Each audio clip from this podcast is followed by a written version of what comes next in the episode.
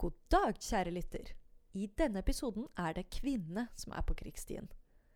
Og i betydningen kvinner som disputerer forståelsen av likestilling og gir motstand mot strukturell diskriminering. Denne episoden handler om konferansen Kvinnehopp. Er du fast lytter til podkasten på krigsstien, så blir nok dette en litt annerledes episode. En kveld i oktober var et par hundre kvinner samlet på Linderud leir. Der fikk vi høre Manuela Ramin Osmundsen fortelle om betydningen av nettverk. Vi fikk høre erfaringen Tine Målat har gjort seg etter å ha startet klesmerket By Timo, og vi fikk høre om kampanjen Hun spanderer, blant annet. De fortalte sin historie og delte sine erfaringer og refleksjoner, og ga oss råd. Det var så mye bra som ble sagt i løpet av denne kvelden, så vi har bestemt oss for å dele dette med deg. Først skal vi snakke med arrangementsansvarlig Trine Gamst. Hun er leder for Høgskolens likestillingsutvalg og er vitenskapelig opptatt av likestilling. Det er vel riktig å si at du er, Trine? Jeg er i hvert fall veldig opptatt av likestillingsspørsmål. Det er jeg. Ja. Hva er ideen bak Kvinnehopp? Ideen bak Kvinnehopp eh, den har egentlig kommet etter eh, mange års arbeid nettopp med likestillingstema. Uh, og vi har gjennom det arbeidet sett at vi ønsker å skape en forståelse. Uh, hva, er egentlig, hva, er egentlig, likestilling? Hva er det vi vil med likestilling? Uh, men også det å øke kompetansen rundt de utfordringene vi har. men også er det veldig viktig for oss å bygge et nettverk på tvers av avdelingene. Og nå som vi har blitt en ny, stor Forsvarets høgskole, så er det også veldig, veldig viktig. Og hva ønsker dere å oppnå med dette arrangementet? Lære andre, dele erfaringer, som jeg nevnte. Kompetanseheving, nettverksbygging, impulser utenifra. Ja. Og det føler jeg også at vi fikk til. Mm. Og vi fikk også dele dette med to venninner. Vi fikk nemlig lov til å invitere med oss to. Hvorfor fikk vi lov til det? Nei, Vi tenkte at dette var en uh, veldig god arena og mulighet uh, for de ansatte å ha med seg en uh, venn.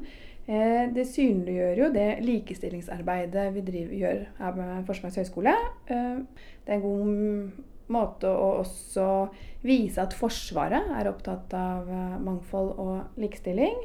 Men vi kommer jo også tilbake til det vi snakket om i stad. Dette med å dele, dele råd, erfaringer ja, og hvordan man kan jobbe videre, da. Mm, som har vært veldig, veldig nyttig. Ja, det virker som om mange syns det var uh, veldig godt og riktig tenkt. Og nå skal vi høre hva de forskjellige gjestene sa i løpet av kvelden.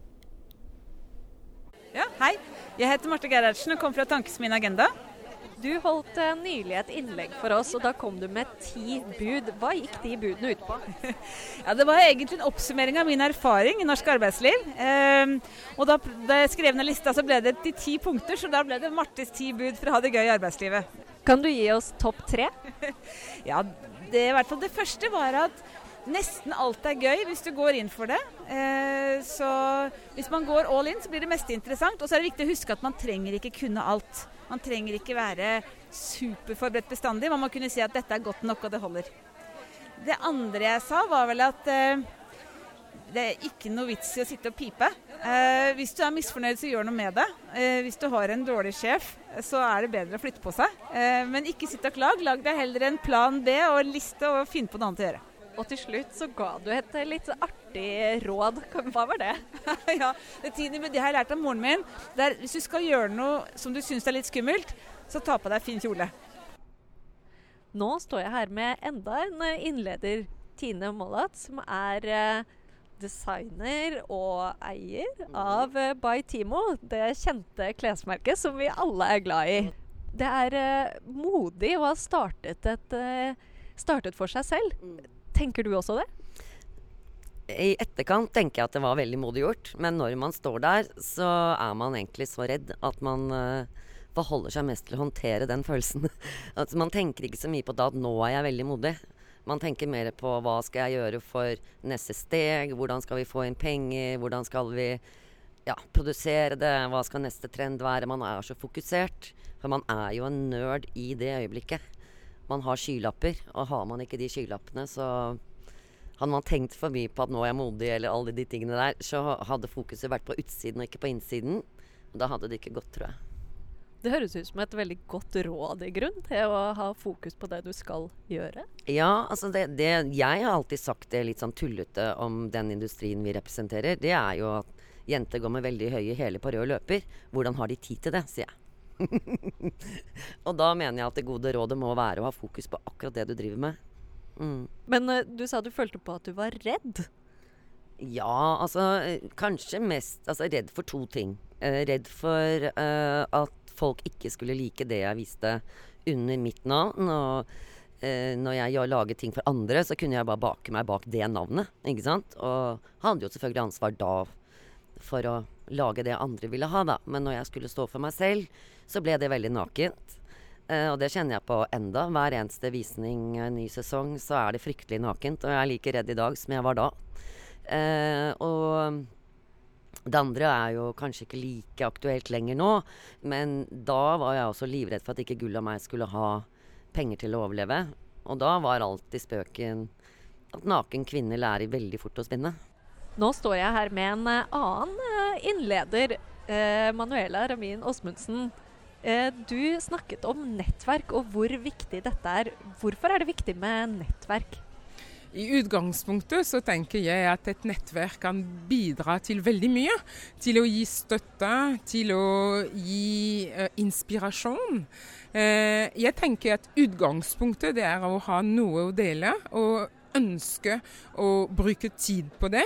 Eh, og ikke være opptatt av nettverket for nettverkets skyld, men hva er det man vil med sitt eget bidrag. Så jeg, jeg, tenker at det viktigste er å starte med seg selv. Hva har jeg å dele? Hva har jeg å bidra med? Eh, og etter hvert, når man bidrar, når man sier noe som er spennende, når man tør å kaste seg ut i det, så oppdager man at man skaper nye relasjoner som er veldig interessante og veldig spennende. Og da da er nettverket i gang. Hvordan skal man oppsøke de riktige menneskene og nettverket med? Det er et uh, egentlig todelt spørsmål. Altså Det første er det riktige mennesket i forhold til hva. Uh, jeg tenker uh, Hvis man tenker ledelse, så må man også tenke på hva trenger man i sitt lederskap. Og da kan et riktig menneske være en med erfaring på noe som du kan, eller en med erfaring på noe som du ikke kan.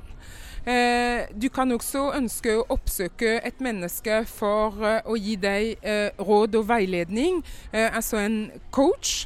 Du kan ønske å tenke at et riktig menneske er en, en person som har tilgang til andre arenaer.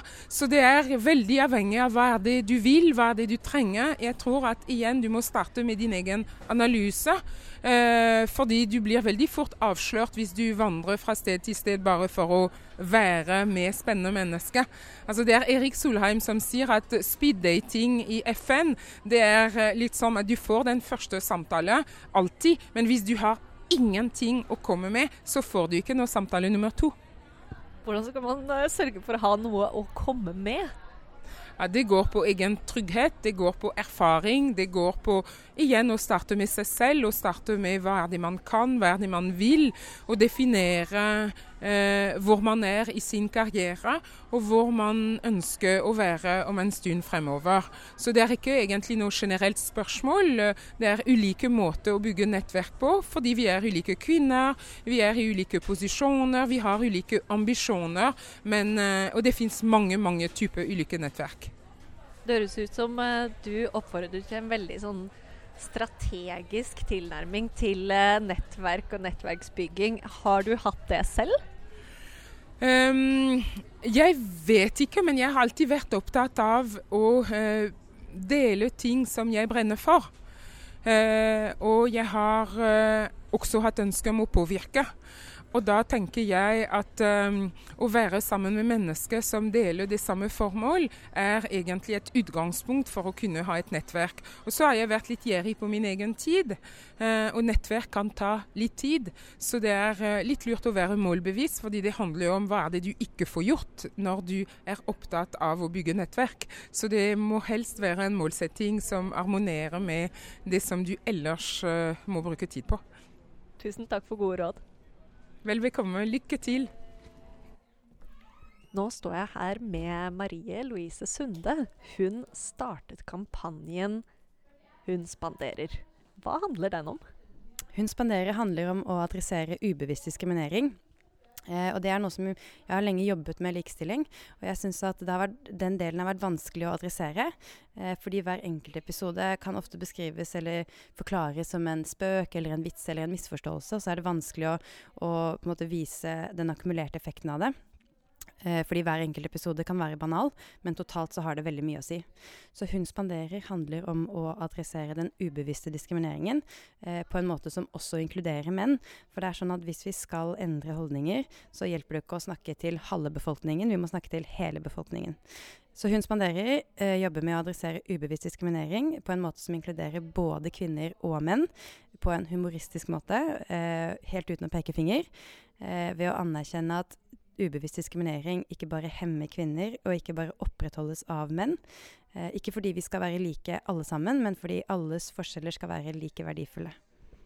Hva fikk deg til å begynne med dette? Hva inspirerte deg? Eh, det som inspirerte meg direkte, var et foredrag jeg var i UN Women eh, på He for She-lanseringen, og hørte foredraget til Emma Watson, eh, hvor hun avsluttet med 'If not now, when? If not me, then who?' Og så tenkte jeg litt sånn at ja, ja, da, da må vi bare gjøre noe med det, da. Det er veldig bra. Eh, har du noen gang opplevd eh, Eller vært utsatt for, eller offer for denne skjulte diskriminering som er liksom en del av systemet? Jeg tenker det er noe man oppdager, opplever egentlig hver dag. Jeg jobber som lege, og f.eks. veldig ofte så blir jeg eh, tatt for å være sykepleier uh, når jeg snakker med pasienter. Eh, eller eh, de avgjørelsene jeg tar som lege blir betvilt av andre kollegaer, og de kan ringe og dobbeltsjekke med mine mannlige kolleger f.eks. Ikke fordi de tenker over at det er kjipt å gjøre, men bare fordi de tror ikke like mye på meg når jeg sier det.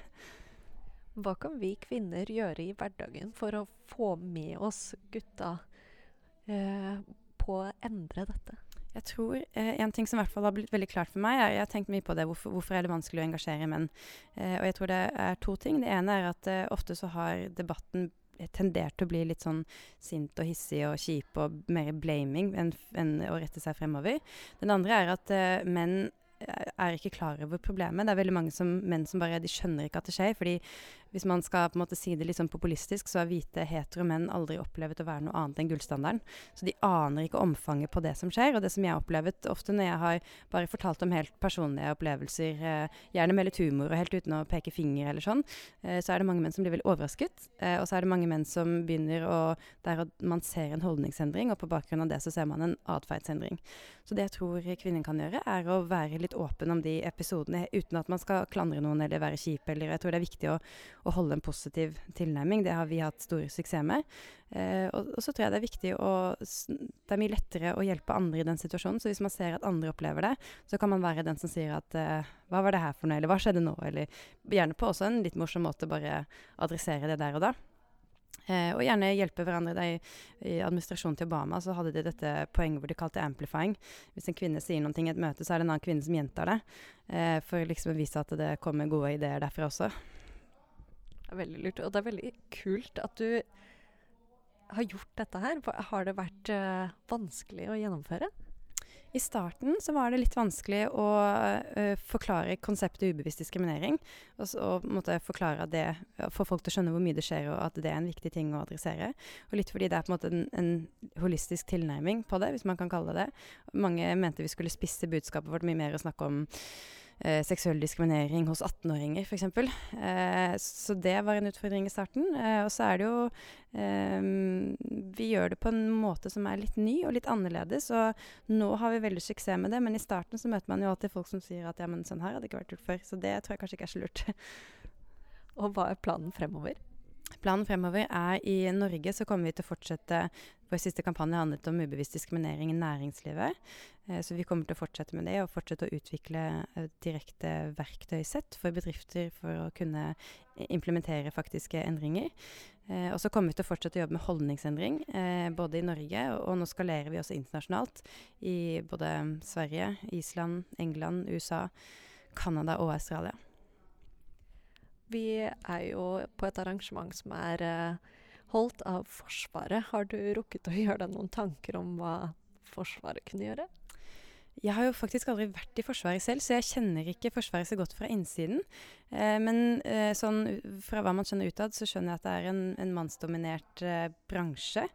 Eh, men også en bransje som kanskje endrer seg, og hvor utfordringene endrer seg. Hvor man vil trenge mange talenter for å kunne løse de utfordringene. Eh, og mitt inntrykk av hva man leser av og til, i hvert fall, er at Forsvaret i noen eh, områder er flinke til å se det. Eh, og så er det kanskje andre steder hvor det er vanskeligere å gjennomføre det. Nå står jeg her med en av festdeltakerne, barneombud Anne Lindboe. Hva syns du om kvelden i dag? Jeg syns det har vært uh, helt fantastisk og veldig inspirerende. Uh, og det er jo noe med å, å, være sammen med sine egne som er helt spesielt. Det å lære av uh, dele erfaringer med andre kvinner i ledende posisjoner og få gode råd. Og så rett og slett litt sånn god gammeldags empowerment. Yes, we can. Det er, det er herlig. Var det noen av rådene du har hørt her i dag som du vil ta med deg videre? Det er jo en del av rådene som er ganske sammenfallende egentlig med mine egne leveregler. Altså det der å, å tørre. Eh, det å kaste seg ut i ting. Og så tenke at det er ikke så veldig farlig eh, hvis det går gærent. Eh, man må våge litt for å vinne. Det syns jeg er kjempegod råd. Og så det at vi må slutte å sutre. Hvis vi er misfornøyde, så må vi gjøre noe med det, liksom. Og, og gå videre og ta grep. Det syns jeg er utrolig viktige og gode råd. Og siden denne kvelden også handler litt om kvinner og likestilling og forskjeller i strukturer og sånn, har du noen gang opplevd noe slikt? Absolutt. Jeg har opplevd både å bli diskriminert som kvinne og som, som ung kvinne. Eh, opplevde å ikke få posisjoner tidligere som lege f.eks. For eh, fordi eh, de ikke hadde troa på at jeg kunne, og heller valgte en, en 60 år gammel eh, avdanka overlege med mye mindre formelle kvalifikasjoner. Men da, da bestemte jeg faktisk eh, meg for å ikke, ikke sutre. Og, og, at jeg var for god. Og så gikk jeg videre. Og, og så ble jeg barneombud. Og så sånn sett så kom det noe veldig godt ut av det, faktisk. Louise Dediken, sjef Forsvarets høgskole. Hva syns du om kvelden? Å, guri meg, dette har vært en helt fantastisk kveld. Bare fylt med positive opplevelser og har gitt utrolig mye energi. Skikkelig gøy har det vært. Var det noe du kjente deg igjen i av det som ble sagt i kveld? Ja, mange ting jeg kjente meg igjen i. Men uh, mest av alt så var det den der opplevelsen av uh, at dette her er en kveld som har til hensikt å gjøre oss positivt innstilt. Da. Altså Hele hensikten med arrangementet det var jo å sørge for at nå skal vi bygge en god kultur ved nye Forsvarets høgskole. Og vi skal sørge for at det er særlig god trivsel for de som er kvinner blant de ansatte. Og det må jeg bare si at det tror jeg vi virkelig har lagt til rette for i dag. altså. Men det er en ting jeg har tenkt på. Hvordan skal vi få gutta med på dette her? ref det Hun spanderer-kampanjen eh, tar opp. Har du gjort deg noen tanker om det? Det var veldig flott at vi jentene samlet i dag, men har du tenkt på hvordan vi skal få med de andre? Altså, det er en sånn klassisk motforestillinger når man skal gjøre noen ting for å sikre likestilling. At hvorfor skal man ha et arrangement for kvinner? Hvorfor skal man ikke da også kunne ha et arrangement for menn? Greia er at uh, i Forsvaret så er kvinner fortsatt veldig underrepresentert. Og da må man gjøre tiltak. Og dette her er jo et klassisk eksempel på det. At vi gjør noe for det underrepresenterte kjønnet. Jeg syns det er flott jeg, at folk stiller spørsmål ved det. Og det kan jo hende at det er deler av organisasjonen hvor man må gjøre den type tiltak, kanskje da bare for menn. Men det får vi da eventuelt komme tilbake til. Men akkurat nå, og akkurat nå som vi har samlet Forsvarets høgskole i nye Forsvarets høgskole, og vi har behov for å bygge kultur, da er en arena som dette, hvor vi kan lage nettverk som vi skal bruke liksom fra og med i morgen eller fra og med i kveld, det er nødvendig. Så jeg står ved det. At dette her, det har vært moro, og det har vært nødvendig. Har du noen supplerende råd til uh, lytteren?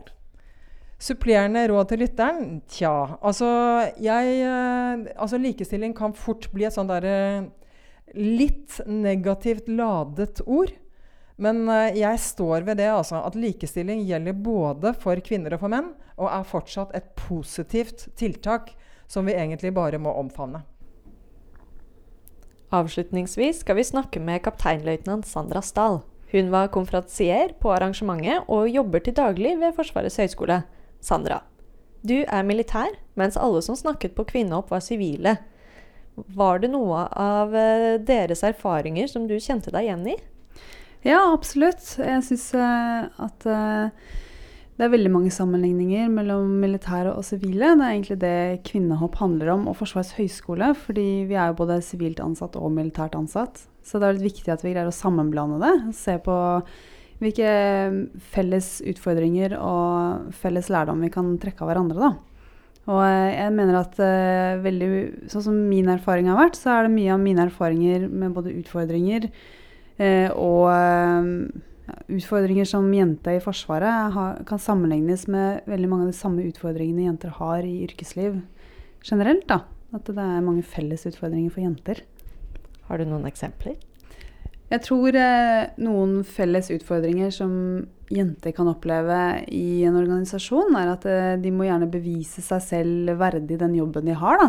Selv om de har blitt ansatt og de er kvalifisert, så er det ofte man opplever, og hva jeg har opplevd og hørt andre har opplevd, at eh, man likevel må bevise for sine uh, medkollegaer og uh, sjefer at du virkelig har vært jobben. Selv om du er kvalifisert. Og det, det er en sånn ekstra innsats. Du må legge mye i å bli hørt. og og at du får gjennomslagskraft for uh, ideene dine i møter, og at du uh, får ansvar og oppgaver på lik linje som mannlige kollegaer. Og jeg leste et ganske glimrende eksempel på akkurat dette gjennom kampanjen Hun spanderer, med sånne tankekort.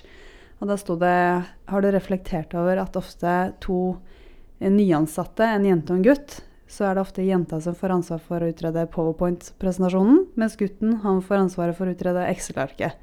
Og da tillegger du jenter og gutter bare en rolle på bakgrunn av kjønn. Du tenker at det er hun god på, og det er han god på. Uten at du egentlig vet noe om det, da. Og det er en type sånn ubevisst eh, eller indirekte diskriminering som jeg tror veldig mange opplever. Det er veldig viktig at vi blir oppmerksomme på at dette faktisk skjer. For det er jo litt utrolig at det skjer. Ja, men det, det, gjør jo det hele tiden. Og akkurat det med ubevisst, det syns jeg er veldig interessant, da. Som hun Marie Louise Sunde som var på konferansen snakket med om. Det at vi, vi, tenker at gutter er sånn og jenter er sånn. Eh, at det bare ligger i oss da, uten at vi egentlig reflekterer over det. Så tillegger vi jenter og gutter roller bare basert på kjønnet. Ja, det, det, gjorde veldig inntrykk på meg, det. Men øh, ble du inspirert av disse handlekraftige kvinnene som har fått utrettet så mye bra? Absolutt. Veldig. Det var en eh, kveld fullspekket av inspirasjon, uten tvil. Og det er så gøy med foregangsdamer som har turt å uh, satse og uh, har kommet langt. Og jeg syns det var ordentlig banebrytende veldig mye. Og veldig forskjellige damer. Og det syns jeg også er litt kult. At til og med en som sa at jeg har aldri opplevd uh, diskriminering. Har bare gjort sånn og sånn og sånn. Jeg tenker det, Vi er forskjellige alle sammen. Uh, og, uh, og, får det til på forskjellige måter. Og det er veldig inspirerende og gøy å høre ja, forskjellige damer som har fått til så mye kult da, på hver sin måte det var en fransk dame som uh, snakket, og hun snakket om kvinnenettverk. Eller det var flere som har snakket om det, hvor viktig det er med nettverk. Det er litt delte meninger om akkurat det med at kvinner skal drive med networking. Uh, det er mange som mener at uh, dette gjør at, vi, at jentene blir mer spesielle og skiller seg mer fra guttene, enn at vi har behov for å snakke sammen. Da. og det syns jeg er litt synd at man tenker, fordi det er veldig viktig da, at jenter møtes og snakker sammen, ikke bare for å dele problemene sine. Men eh, veldig mange har utfordringer også, og da kan det være veldig nyttig å, å sammenligne eh, hva slags utfordringer man har hatt, og at andre også har hatt lignende utfordringer. Og hvordan har du løst det? Hvordan fikk du det til? Hvordan håndterte du det? Men også bare samles med andre damer som har fått det til, ambisiøse damer, og høre hvordan de har kommet seg fremover. da. Kanskje uten problemer eller med problemer. Dette er kjempenyttig for jenter som har lyst til å utrette noe og lyst til å, å få det til sjøl. Eh, for å få eh, tips og inspirasjon da, til å satse. Kjempeviktig. Eh, og Derfor er det viktig at vi gjør en sånn konferanse eh, ved Forsvarets høgskole. Men det var hun franske da, som du refererer til eh, forteller om et eh, kvinnenettverk for eh, kvinner i ledende posisjoner, som de hadde i Frankrike. og i hele Europa. Som, som er rett og slett et type kvinnenettverk for mange forskjellige arbeidsgrupper. Og dette har vi jo ikke i Norge, og det syns jeg er høyaktuelt.